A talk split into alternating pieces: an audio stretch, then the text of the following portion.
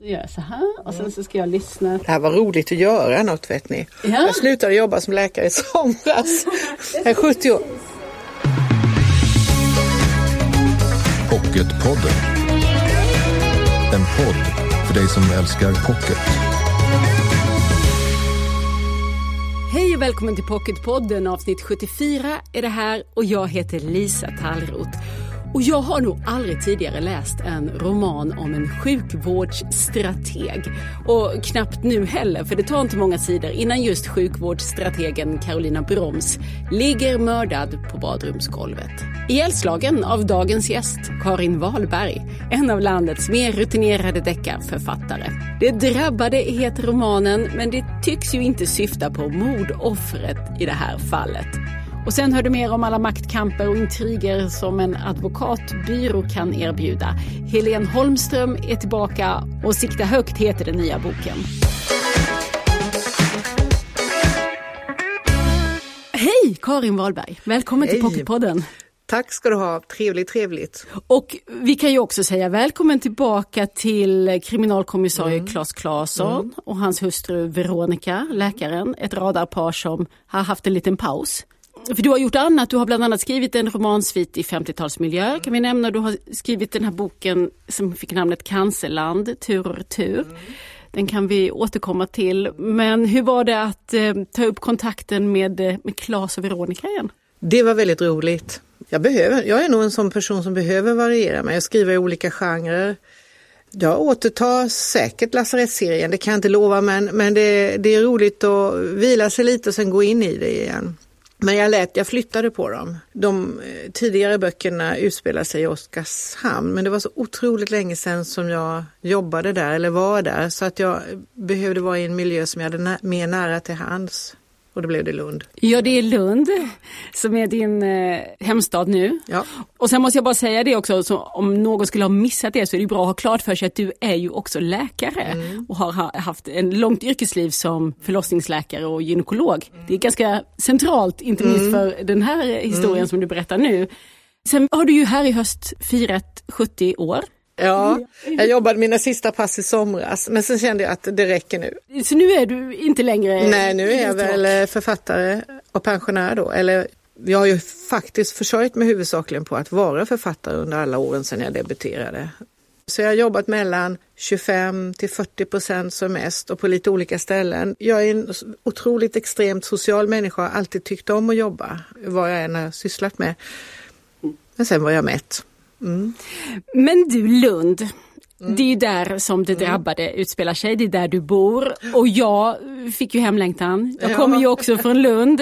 Och det är väldigt mycket Lund i just den här romanen. Det är Veronica som beskriver det som att Lund är lite som att leva i en BBC-deckare från Cambridge eller Oxford. Och du har verkligen använt den här miljön. Och vad är det du för stad du har lyft fram? Jag har lyft fram den eh, medeltida staden med medeltida gatorna, nät, man cyklar, alla cyklar. Och det är många studenter som cyklar, inte alltid så hyfsat, utan man cyklar ju på varandra nästan höll jag på att säga. Hittills har jag klarat mig. Men det är ju lätt att beskriva eh, Lund som eh, Sveriges svar på Cambridge, den mindre staden. Då, där. Oxford, den större, får väl bli Uppsala då. En klassisk kritik brukar ju vara, och den är säkert inte helt oberättigad, att Lundaborna är ganska självgoda. Ja, det tror jag nog att det är så.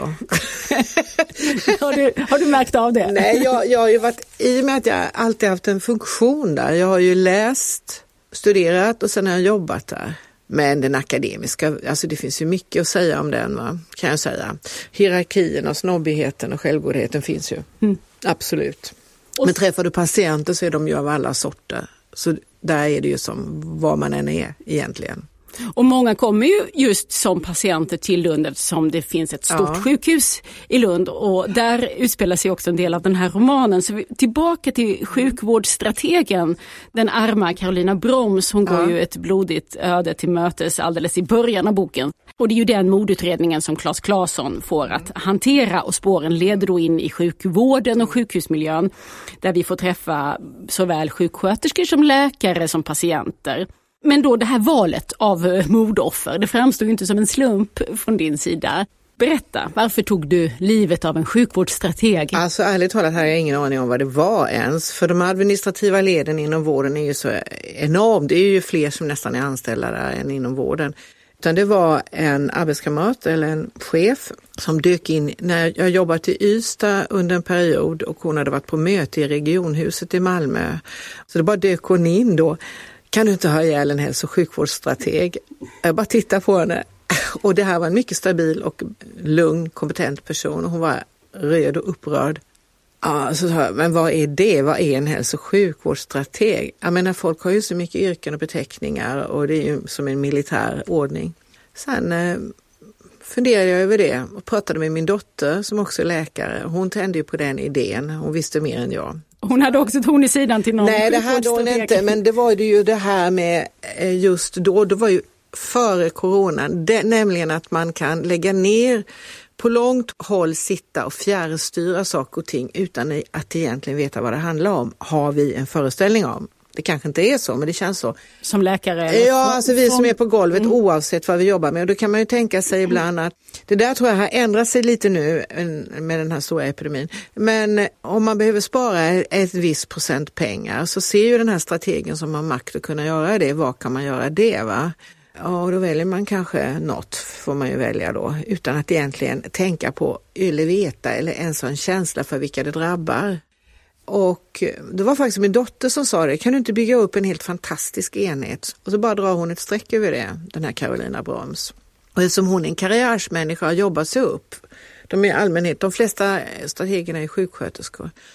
Och då berättade hon som bad mig att ha i, jag får lov att berätta det här, så sa hon, och där sitter de, går de på de blanka golven och trippar runt och ser här hur våra lokaler är. Och det är ganska slitna lokaler för få rum och inte ens toaletter på varje rum på förlossningen. Så var det då i alla fall.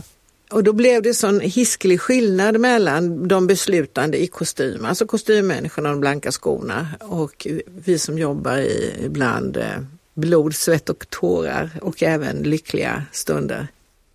Och här i, i boken så har du skapat ett, ehm, ett centrum för cancersjuka som, ja. som verkar vara då en ett helt fantastisk eh, inrättning som ligger där på eh, lasarettsområdet. Ja. Där man kan som cancersjuk komma och, och, träffa alla de man behöver träffa i vården på ett och samma ställe. Inklusive en stödgrupp då för, eh, för sjuka. Och det är en sån där grupp vi får lära känna de olika personerna i. Jag fick hjälp av en läkare, hon är själv onkolog här i Stockholm. Så hon och jag byggde tillsammans upp den här enheten. Det vill säga att om du är svårt sjuk och livet är tungt så är det ju, det är rätt så trista lokaler ofta. De har allt i alla väntrum någon tv som står och fladdrar, det vet jag inte varför. Jag tänker alltid på det i de flesta inom sjukvården. Alltså väldigt deprimerande är det många gånger. Men det här skulle ju då vara för människor som eh, man får vara lite mer ömsint emot. Och det ska vara inbjudande helst. Och det här är huset som jag då har byggt upp och jag vet var det ligger i Lund men det finns inte. Men det är ju då arkitektritat och lite vackert och lite fint. Eh, så man går in i en behaglig miljö utan att det för den skull ska skrika att du kommer snart att dö.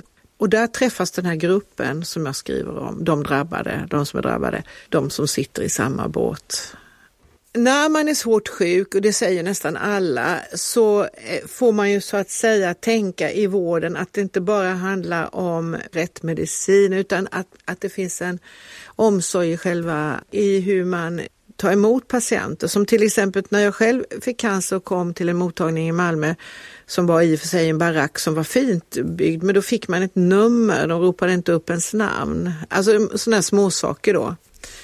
För jag skulle just fråga det om det är dina erfarenheter som patient kanske snarare än som läkare som kommer fram här eller är det både och? Alltså jag, hade, jag hade ju en ändtarmscancer opererad så jag hade ett ganska kort förlopp. Alltså. Eh, det svåraste för mig var att få till en, få till en utredning, få till så att jag fick reda på vad det var. Va? Eh, jag fick verkligen känna på det här att kom inte hit, du luktar skit. Alltså jag var inte välkommen in där jag, eh, på den, där jag vände mig till min vårdcentral. Men det löser sig till slut. Ja, känslan av att man vet att livet kanske blir kortare än vad man har tänkt sig, den, det ger en viss typ av ångest, i alla fall i mitt fall. Den vet jag hur den känns ju. Och det gjorde ju kanske att jag har haft lättare att beskriva. Jag följer ju framförallt en man ganska noggrant. Som är en ståtlig man. Douglas? Ja, och hans vedermödor och så. Inifrån, det har jag nog lättare att göra. Jag har haft lättare att göra det. Sen är det ju två som är lite yngre som nog inte kommer dö, tror jag inte. Men att det, det kan ju vara lättare i den, här, den där samtalsgruppen då är viktig. Sen är det en annan person som är viktig i boken och det är att jag speglar an, en anhörig via en sjuksköterska som är anhörig. Hon är mamma till eh, en av de här yng ja, yngre killarna de i den här killarna, gruppen. Va? Alltså den ensamstående mamma men hon, hon är ju duktig och erfaren sjuksköterska. Eh, så får man följa hennes vardag och hur det, det, det här ligger ju liksom hela tiden latent i hennes tillvaro med sonen och sonens sjukdom. Du beskriver det ju som i något sammanhang här att det, det, går som en osynlig gräns, osynlig men väldigt kännbar gräns mellan att befinna sig i, i sjuklandet eller cancerlandet ja. och i frisklandet. Mm. Det här utvecklar du ju i den här boken som du har skrivit som heter just Cancerlandet, tur och tur, men det kommer tillbaka i den här romanen också. Ehm, berätta lite grann om den där känslan av de här alltså olika världarna. Ja, och det tror jag, eh, faktum är att just de begreppen har jag fått från en patient som sa det en gång, att när hennes cancer var spridd, nu kommer jag aldrig kunna lämna sjuklandet. Jag kommer alltid vara där. Men många kan ju leva väldigt länge med en eh, kronisk cancersjukdom. Det är ju, eh, och, eh, så det säger ju ingenting om hur länge man ska leva eller när man ska dö. Och dessutom har vi många av oss människor en förmåga att ställa in oss på det som är. Men jag vet hur det är att vara i sjuklandet som man inte riktigt vet hur, hur det kommer sluta alls. Eh, och det beskriver jag väl, använder jag lite grann i den här boken, men framförallt i boken Cancerland, tur och retur, eftersom jag anses vara botad. Eller redan då, alltså det, det vet jag ju aldrig. Va? men, men Hur var... tänker du idag? Hur mår du idag kring cancern? Nej, jag tänker, jo, jag tänker på det, jag, jag var ju på kontroll eh, för ett tag sedan sista kontrollen. Eh, då tänker jag på det men ganska flyktigt, jag har inte ätit upp mig alls. Men under tiden när jag var när jag fick diagnosen och jag insåg vad det var så tror jag att alla i det läget har ångest på ett eller annat sätt. Men jag ville verkligen leva och det var så tydligt, jag vill leva, jag vill leva och det, det liksom låg över det hela på något sätt. Jag, jag var ute och gick då mellan att jag väl hade fått diagnosen. Ehm, jag bad faktiskt en kollega på kirurgen på Gotland, där, Visby, där jag jobbade för att det blödde och hade sig och jag fick ju som sagt var inte till det. Och när jag fick se tumören, jag såg den ju själv då på skärmen och sen tänkte jag, jaha, nu tar vi en sak i sänder. Men så, så var jag ute och gick och tränade och tänkte, ja men idag, idag, kommer, idag skiner solen och idag är, börjar träden snart att slå ut. Jag kunde liksom ta fasta i det på det viset. Hela, det är jobbigt att leva liksom i dödsångest hela tiden. Jag, jag gjorde inte det. Sen var jag väldigt euforisk när operationen var gjord. Så himla Åh, det var så skönt. Så eh, jag hade fått förfrågan av en av kirurgerna som opererade mig om jag inte kunde skriva om tarmcancer, KOL, alltså tjock och ändtarmscancer, för det, det finns väldigt lite, det är en vanlig, jättevanlig cancer, men det står ju mer om bröstcancer. Prostatacancerna ligger också illa till, de, de som kallas för fulcancer. Jag läste, hittade det i en amerikansk tidning mm. faktiskt. Ja, de har inte kampanjer ute Nej, på stan. Nej, det är svårare att som... göra det. Mm. Det är mm. inte läckert med sånt som liksom är på toaletten och annat. Men då hörde jag av mig till hon som hade frågat mig och sa du, jag kan skriva en text om du lovar mig att hjälpa med fakta. Då var jag så, alltså jag var euforisk, toppad, även om jag hade ont i ärret och allt det där. Jag sket i det, oh, det var liksom, för det hade gått bra. Men tycker du, det låter, kan ju låta lite, att man alltid ska det här vända saker till något präktigt och bra, men tycker du på något sätt att du har haft någon nytta eller glädje av att ha haft den här upplevelsen? Alltså faktum är det väl mer sånt här man inte kommer undan. Men min mamma dog när jag var nio år och gick i trean. Gjorde jag när hon dog i bröstcancer och hon var 47. På den tiden hade man inte så bra behandlingar. Så egentligen så var jag ju redan, visst, jag, jag, har alltid, jag har alltid vetat att livet är begränsat. Alltid, alltid, jag är ju uppväxt med det. Eh, kan jag säga. Va? Och det är väl det egentligen som har tagit mycket mer plats i hela mig under hela mitt liv. Inte alltid ständigt, jag har inte varit rädd för att få cancer så, varken jag eller min syster, utan vi har levt på. Eh, men jag har nog varit väldigt livssugen hela tiden tror jag, livsglad. Men, men att min mamma blev sjuk och dog har ju påverkat mig mycket, mycket mer än vad jag, att jag själv har fått en cancer. Mm. Faktiskt. Hon fick ju inte leva och jag, jag och min syster förlorade vår mamma. Och det fick ju följder som är av en helt annan valör, kan jag säga. Men jag var ju van, alltså själva ordet, det finns ju folk som inte ens säger cancer utan de säger, de säger C-ordet. Och då sa jag, någon som sa, ja men det här med C, C jag frågade vad är det för något? Alltså jag är, jag är på det viset väldigt rak. Men kom det att hänga ihop på något sätt hos dig då, den här erfarenheten från när du var liten och din mamma fick mm. cancer och, och att du själv drabbades av detta och att du sen skriver om det också? Ja, det hänger ihop. Man kan ju säga alla erfarenheter man har använder man ju. Va? Men man kan, jag, jag ville absolut inte jobba inom sjukvården, inte min syster heller. För när vi växte upp i Kalmar och eh, vår mamma låg där fick vi ju inte ens besöka henne. Det där jag skildrat mer i Cancerland-boken.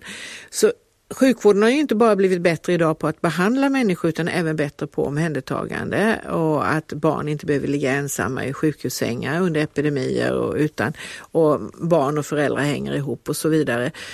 Men när jag blev läkare och började läsa medicin var jag ju äldre och det är klart att när jag började skriva så har jag ju inte närmat mig det här ämnet för nu då, kan man ju säga med Cancerlandboken och sen med den här Det drabbade. Det drabbade ja. Ja, så är det. Man använder ju sig själv. Alla gör väl det som skriver tror jag.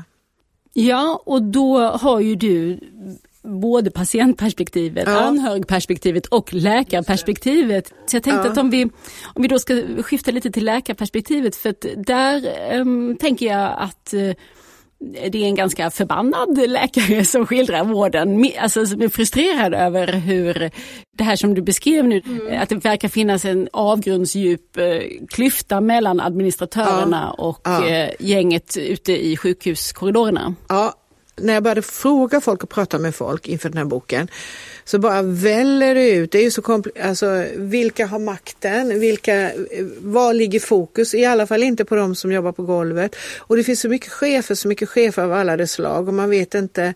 Jag slutade vid någon tidpunkt att bry mig om det hela på något vis. Alltså en bra chef om man tänker sig för en ett gäng på golvet. Om man tänker sig, det är ju sådana som så att säga gjuter delvis mod i en, alltså som skapar god stämning och som hejar på och så vidare. Va? Men den här stora administrativa kolossen som det har blivit blir ju självgenererande för människor får tjänster och så får man tjänster och så blir det fler och fler. Och det finns så många olika beteckningar som jobbar där så att sjukvården är ju väldigt enkel med läkare, sjuksköterskor, undersköterska, sekreterare, sen är det ju sluta eller medicinska sekreterare. Jag tror att det kommer, eh, jag tror och tror, men man anar att det vänder nu. För med den här coronaepidemin så har ju plötsligt golvet blivit det, det mest intressanta. Det är ju ingen som pratar om sjukvårdsstrateger just nu, utan och det är där alla, många av idéerna kommer också vad jag har förstått jag är ju inte infektionsläkare, men att man, eller IVA-läkare, men att det är där idéerna kommer hur man ska göra och slå upp väggar och göra fler sängar och, och det, det, det, är ju ingen som sitter högst upp och styr det, utan det gör man ju från golvet. Sen finns det ju vissa saker som styrs uppifrån och måste göra så med ekonomi och annat. Och jag menar, vi är ganska vana nu vid att läsa rapporter, jag menar redan innan coronaepidemin om hur otroligt slitigt och underbemannat det är i vården har svårt att hitta personal och svårt att få dem att stanna kvar och eh, historier om patienter som, som valsar runt. Det finns ganska gott om mörka berättelser men då funderar jag lite grann på då de som jobbar här i vården på sjukhuset och i din bok Det drabbade. Där får vi lite exempel på olika strategier som man tar till för att hantera den här situationen som man då som sjuksköterska eller läkare uppfattar som ohållbar eller undermålig. En del byter karriärer och går till bemanningsföretag. En del knyter näven i fickan, några eh, håller fast vid den här meningsfullheten som man ändå kan känna i patientmötet. Någon kanske skriver romaner, tänker jag, och låter tankarna ta den vägen. Eller vad har du haft för strategi i det här som läkare? Egentligen när jag tänker, jag tycker ju att Att jobba i vården, och det är ju därför det är så många som är kvar, är ju för att det i stort sett nästan aldrig är meningslöst. Så kan man vända på det. Sen är det ju inte alltid meningsfullt, men det är i stort sett aldrig meningslöst. Vad jag tror ingen gillar är att bli känd som en plopp eller en plupp. Att man liksom bara är någon kanonmat liksom. Som, eh, utan man skapar bra arbetsmiljöer. Jag är ju gammal högstadielärare, jag tänker nästan på det jämt när jag jobbar. För om man jobbar som högstadielärare så är det så här att det går inte att ha en, på den tiden 30 stycken elever. Men det var din första karriär? Ja, ja och den, alltså jag gillade ju det, jag hade ju aldrig blivit, vi flyttade så jag blev arbetslös, det var på 80-talet, annars hade jag ju varit kvar, det vet jag inte. Men i alla fall, då måste man ju förhålla sig till den gruppen människor på något vis. Och då får man ju inte vara blind för att de är tonåringar. Eller, ja, utan alltså man blir väldigt bra tränad i att ha hand om grupper på en gång, 30 stycken var det ju då. Va? Och avläsa grupper och känna hur är läget här och och då leder man ju på ett helt annat sätt. Medan sådana som kanske leder ett vanligt jobb kan ju göra det på punkter och kriterier och paragrafer. Alltså förstår du vad jag menar? Va? En fyrkantighet. En fyrka, ja, men det, det är olika personligheter. Va? Se människor. Alltså det, ja, och där är det olika personligheter tror jag som, som dras. Så mer av eh, se gruppen fråga. Ibland tänker jag så här, varför frågar de inte? Hur skulle du vilja? Vad tycker du? Vad tänker du? Eller så va? För eftersom du ju har varit läkare aktiv också under den tiden som du har skrivit om ja. det här, även om du nu då har hängt, eh, hängt upp eh, den vita så, rocken ja, här. Ja. Jag bara funderar på den här, för du är ju, framför ju ändå i, i romanform visserligen, men en ganska tuff kritik då gentemot vårdsystemet och din arbetsgivare. Har, du liksom, har den tagit sig några andra vägar utanför eh, romanskrivandet? Nej, alltså när jag har jobbat så jobbar jag ju på. Va? Jag brukar faktiskt nästan alltid stötta chefer så gott det går. Va? Det går ju inte att sitta och smågnälla hela tiden. Kanske försökt skapa god stämning då. Det är en väldigt hierarkisk värld som du beskriver i sjukvården, tycker jag, som liksom står utanför då. Att man förstår ju att dels finns det ju utbildningsnivåerna som skapar en stege här mellan sjuksköterskor och, läkare, men sen är det ju också sjukvårdsstrategen här, hon med all makt, ja. har en lägre akademisk utbildning men ändå hamnar i en högre ja, position. Ja, men det gör hon därför att hon kan bestämma liksom. Och det finns ju så va. Och det finns ju sjuksköterskor givetvis som är, styr ett helt sjukhus och kan göra det jättebra för att de är bra, bra på att leda. Och jag har haft en eh, chef på ett ställe som för, en hel klinik, eller för kliniken som är barnmorska som är utmärkt, jättebra ledare. Men Ja, det är ju så i nästan alla sådana här kampsituationer. Att den, den som kan ha makt använder den. Och det, det har jag intervjuat många. Och de, en som sa så här att det kan ju vara rent horribla förslag som kommer ifrån helt, det finns ju sådana här styrgrupper människor som egentligen inte har någon sjukvårdsutbildning överhuvudtaget utan kanske har någon helt annan utbildning som kan komma med förslag och det har jag något där som är taget från verkligheten. Och då bara häpnar man om man är utbildad inom sjukvården. alltså som ser det hela rationellt, liksom. man kan räkna, men om vi tar bort fyra där så kan vi lägga dem där fastän det är helt olika saker. Men eh, nu är ju detta en roman och anledningen till att just eh, Carolina Broms blir mördad, det ska vi ju såklart inte avslöja här. Det är ju lite mer, lite mer intrikat eh, ja, ja. än så här. Men jag bara tänkte då eh, nu när också den här boken ändå skapar mycket tankar och man vill liksom prata om hur, hur funkar vården egentligen. Mm. Så du funderade inte på att sätta kniven i en politiker? För det här är ju trots allt en politiskt ja. styrd verksamhet. Hon, ja, det är en politiskt styrd hon verksamhet. Hon är en nyttig idiot ja, på sätt och vis. Men de Carolina. är så långt borta så de de är ganska ointressanta rent ut sagt. Förstår du vad jag menar? Va? Jag menar, eh, om man ska, jag tycker det är roligt att skriva om det som berör folk väldigt nära, nästan hud mot hud eller i mindre grupper.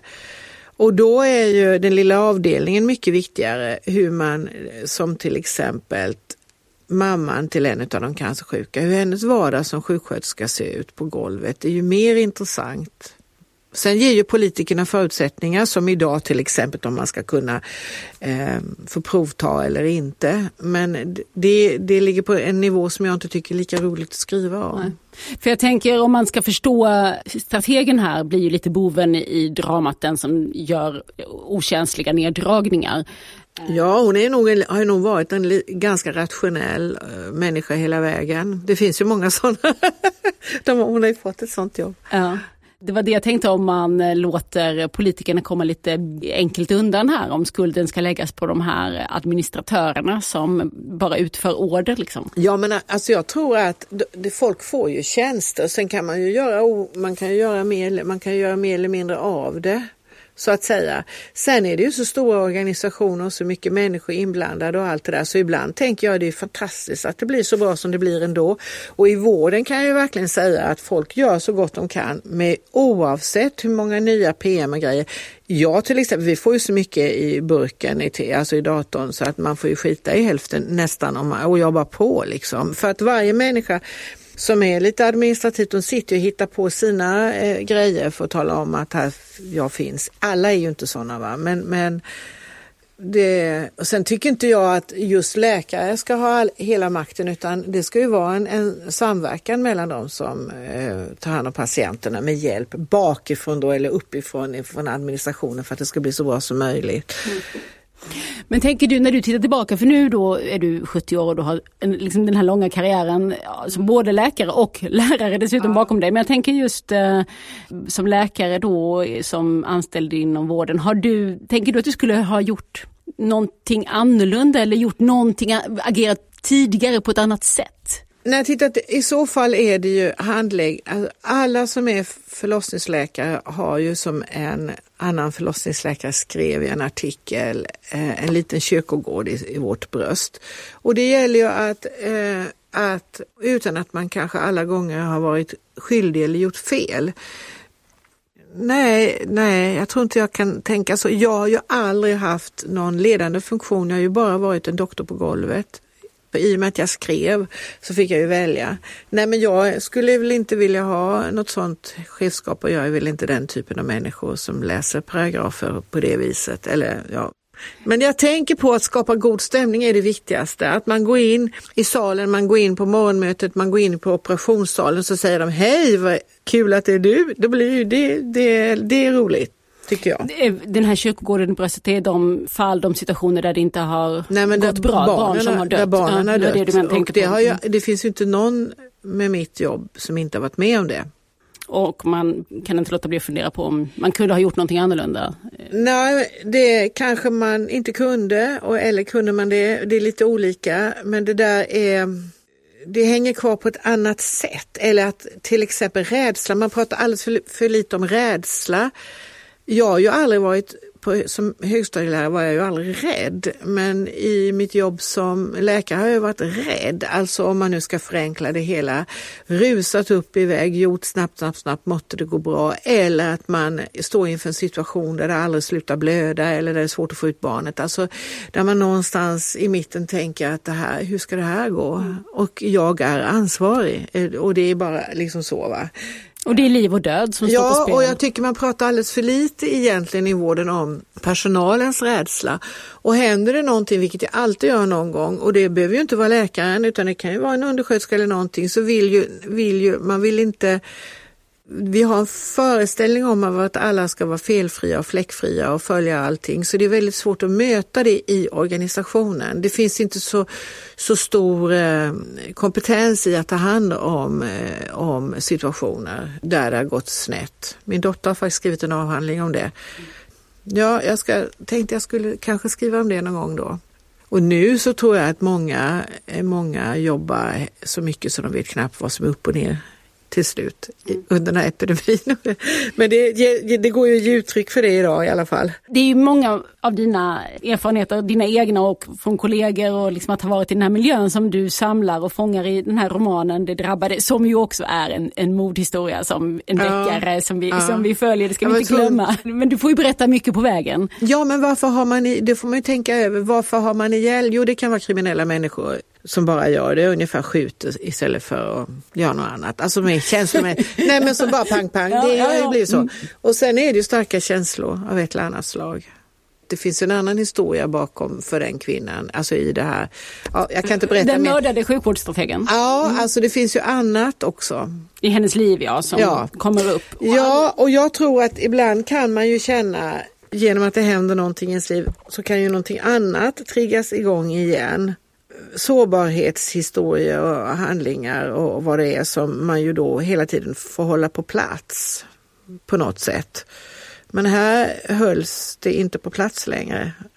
Nej, men, men det där stannar kvar hos mig när jag har läst den här nu. Det är ju flera karaktärer som vi får komma in på livet och framförallt nu tänker jag på de här damerna 55 år plus är de. Vad ska vi mogna damer, låter ju töntigt. Vad ska vi, det är Veronica och Lena och Birgitta, det är tre kvinnor som alla är seniora och har varit med om en del i livet och alla har ju också landat i någon, vad jag tänker, ganska så stoisk hållning. Mm, exakt, mycket väl beskrivet. Man blir det, realitetsanpassad. Mm, stoisk och, hållning får det bli. Och det är där du, du också är, låter det som. Mm, absolut. det kan inte uttryckas bättre. Sen blir man ju med åren mer att man alltså, står inför olika situationer som man bara silar undan då. Så får det ju vara. Man kan inte hålla på och hetsa upp sig över nej, allt nej, det gör man möjligt. inte. Det går ju inte. Man, nej, det går ju inte. Är det något som kommer med, med åren? Nej, med, med Eller är det en personlighet? Med erfarenheten, ja. absolut med erfarenheten. När tror du man börjar märka av det där då? Jag vet Är inte. det någon gång efter 55? Nej, Hur var det för dig? Nej men det kommer ju successivt också. Jag tror, eller när jag ställs inför saker och ting så försöker jag hitta strategier. Inte så att jag sätter mig ner och tänker nu får jag ha en strategi för det här utan hjärnan maler på till den hittar någon sorts lösning. Men det kan ta ett tag innan man landar i någonting som blir bra. Jag började läsa medicin på det viset kan man ju säga. Så, alltså jag blev arbetslös och lärare och jag var doktorand i nordiska språk. Du har gjort så mycket! Ja men i alla fall och till slut så, så var jag alltså ner nere, jag tänkte jag måste göra någonting och ringde till en yrkesvägledare och sa att jag Alltså jag, jag, eh, jag måste göra någonting annat och då var min, min man är läkare och var läkare då. Jag var så avundsjuk på honom som cyklade iväg och hade ett tydligt jobb. Alltså börja på morgonen och komma hem trött och meningsfylld och allt det där.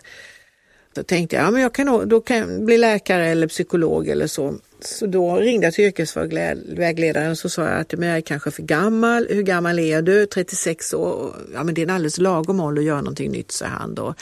Och då har jag alltid tänkt på det, att med, kan man peppa en människa, gör det. Och det gjorde den här människan som jag aldrig har träffat. Men han, han kunde ha sagt, ja det beror ju på ekonomin, ja, ta, ta, ta, ta, men det gjorde han inte. Så jag, gjorde, jag hade gjort högskoleprovet med ett bra resultat, för på den tiden var jag allmänbildad. Så jag, då började jag läsa. Och det är ju en lång utbildning. Och det, det brydde jag mig liksom inte om då för att jag, var, var ju, jag ville bara bryta. Va? Och faktum var att det var jättekul. Det var så roligt. jag började läsa här i Stockholm faktiskt. Jag kom in här och sen flyttade jag över till Lund, Malmö. Mina barn var ganska stora. Jag blev superengagerad. Och författeriet kom ju in sent i ditt liv, i alla fall debuterade du ju i hyfsat ja, eh, mogen ålder. 50 var jag när min första bok kom ut. Och varför blev det inte tidigare än så? Nej men därför att jag... Ja, du hade ju fullt upp det här. Jag hade fullt upp men jag hade inte... Jag har faktiskt pratat med gamla skolkamrater, jag har aldrig pratat om att skriva böcker. Men jag, min pappa var journalist, jag var uppväxt med hur mycket böcker som helst, alltid läst väldigt mycket. När jag läste litteraturhistoria i Lund så var det inte lockande speciellt för det var så akademiskt och lite snobbigt. Man pratade om unga begåvade människor. Jag kände mig inte som ung och begåvad. Och det, skulle, det var så, liksom så va. Det var så att jag fick en idé och så bara började jag och då var jag kanske 46. Och jag tror att jag behandlade mig själv mot eventuell utbrändhet då. För det var så hårt tempo och så mycket. Så jag bara hit, jag kom på en historia en morgon och så började jag skriva. Och då läste jag bara deckare på den tiden, annars har jag läst mycket litterärt. Men då läste jag deckare för det var det enda jag orkade. Och så hade mina barn flyttat hemifrån och så, så laborerade jag i Köpenhamn för jag höll på med forskning och då var det färja, det var innan bron fanns. Så då läste jag tråkiga vetenskapliga artiklar dit och sen hade jag gett mig själv i present att få skriva på hemvägen. Om det nu inte var så skumpigt så att man bara mådde illa. Men så gjorde jag det. Och så höll jag på och jag, och jag visste inte att jag kunde skriva böcker. Men så hade jag skrivit tre kapitel så kände jag att det flöt på på något konstigt sätt. Men att jag skriver helt annorlunda än jag är som person för jag skriver ganska sävliga deckare ganska utformade personer och allt det där. För jag tycker du skriver en, ungefär som du är, men det, liksom, det sticker iväg Ja, med ja, lite små sidosvängar Jo, jo, här och där. om man får. Exakt. Men- Sån jag Ja, är. ja, men egentligen ska det ju vara, om du läser recensioner av deckare så ska det vara spännande från första sidan till sista. Och det är ju inte mina böcker på det sättet eh, alls. Hur det nu än... Och Ja, jag det är ju en värld som du öppnar och som du vill Ja. beskriva och människorna i den också. Ja, men jag gillar inte det där, det där flås. Jag, jag läser och lyssnar inte själv på sådana böcker eh, som det hela tiden händer saker. Oh, oh, oh, så. Men du, du är ju också, du är ju en åsiktsstark person Ja, ja. och du ser vad som händer omkring dig och tänker om detta. Jo, men Har alltså det varit liksom en viktig, Absolut. viktigt forum för att begripa sig på världen? Ja, absolut. Och första boken, då hade jag ju inte tid att researcha eller någonting, utan då kom jag på själva mordet på mitt jobb. Men sen så fick jag ju möjlighet att beskriva sjukvården inifrån. Jag kunde ju inte ut och researcha och se hur det var på oljeplattformar eller någonting annat. Jag tog det jag hade framför mig på den tiden. Och sen efter åtta böcker var jag tvärtrött. Det, blir- det är väldigt låst att skriva kriminalromaner. Och då blev det ju lite annat, de här eh, lasarettsböckerna som är romaner. Och, Precis, i 50-talsmiljö dessutom. ja, jag höll på i månader och researchade för den. Jag var här på olika arkiv. Och, Och, nu, och jag förstod ju det att du står lite i ett vägskäl vad som ska hända härnäst. jag håller på med en kriminalroman Ja. till. Det har gått extremt trögt men det lossnar nog snart tror jag. det är ett svårt ämne men jag skriver i alla fall på. Claes och Veronica kommer att dyka upp härnäst eh, också. Men, Åtminstone en gång till. ja.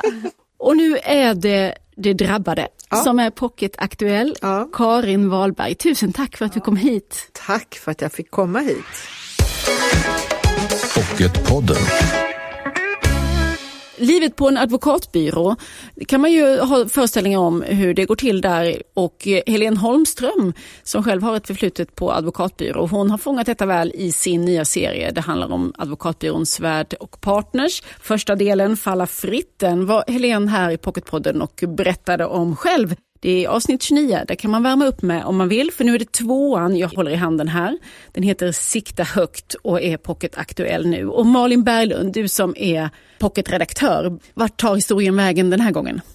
Nu är vi kvar på Svärd och Partners. Det är Victoria Leander. Hon är nyskild och har blivit bedragen av sin man. Hon står ensam efter en, att hennes familjedröm har krossats. Hon ska gå vidare med sitt liv och tar ta tag i det och börja jobba på advokatbyrån Svärd och Partners. En av hennes första klienter, Erik Häger, är gymägare och han anställer henne som legal rådgivare där uppstår den här attraktionen mellan dem som de båda känner av så starkt och som de inte kan värja sig emot. Ganska plötslig, oväntad attraktion men också väldigt olämplig för det vet vi ju alla att advokat får inte ha en romans med sin klient. Hur tar de sig ur det här då? Det får vi se. Ja, just det. Det, det. det tycker jag inte du ska avslöja här och nu. Utan det är det som man får läsa om i, i Sikta högt. Visst känner vi igen oss från ettan här för eh, de här figurerna, Victoria och Erik, de dök upp lite i marginalen redan i del ett. Ja men precis, det är många karaktärer man känner igen från Falla fritt. Det är en fristående del men de rör sig i samma område. I januari kan vi också säga att Helens eh, del 3 släpps, Satsa allt. Det är som en svensk version av Suits och det är bara härligt och sexigt och pirrigt och bra underhållning. Helene Holmströms serie alltså om advokatbyrån Svärd och Partners. Nu har vi kommit till del två i ordningen Sikta högt som är pocketaktuellt. Tusen tack Malin Berglund. Tack själv. Det höll nästan på att gå troll i Steve Sem Sandbergs besök här i Pocketpodden. Som vi utlovat, men inte kunnat leverera. Men nu så har han varit här och det samtalet det kommer du att få höra nästa vecka här i Pocketpodden. Då pratar vi om vården av att behöva bära frack för första gången i sitt liv och ja, romanen Dubbel V förstås. Tills dess, följ oss gärna i sociala medier. Där heter vi Älska Pocket. Jag heter Lisa Tallroth. Hej då! Du har lyssnat på Pocketpodden. En podd från Bonnierförlagen.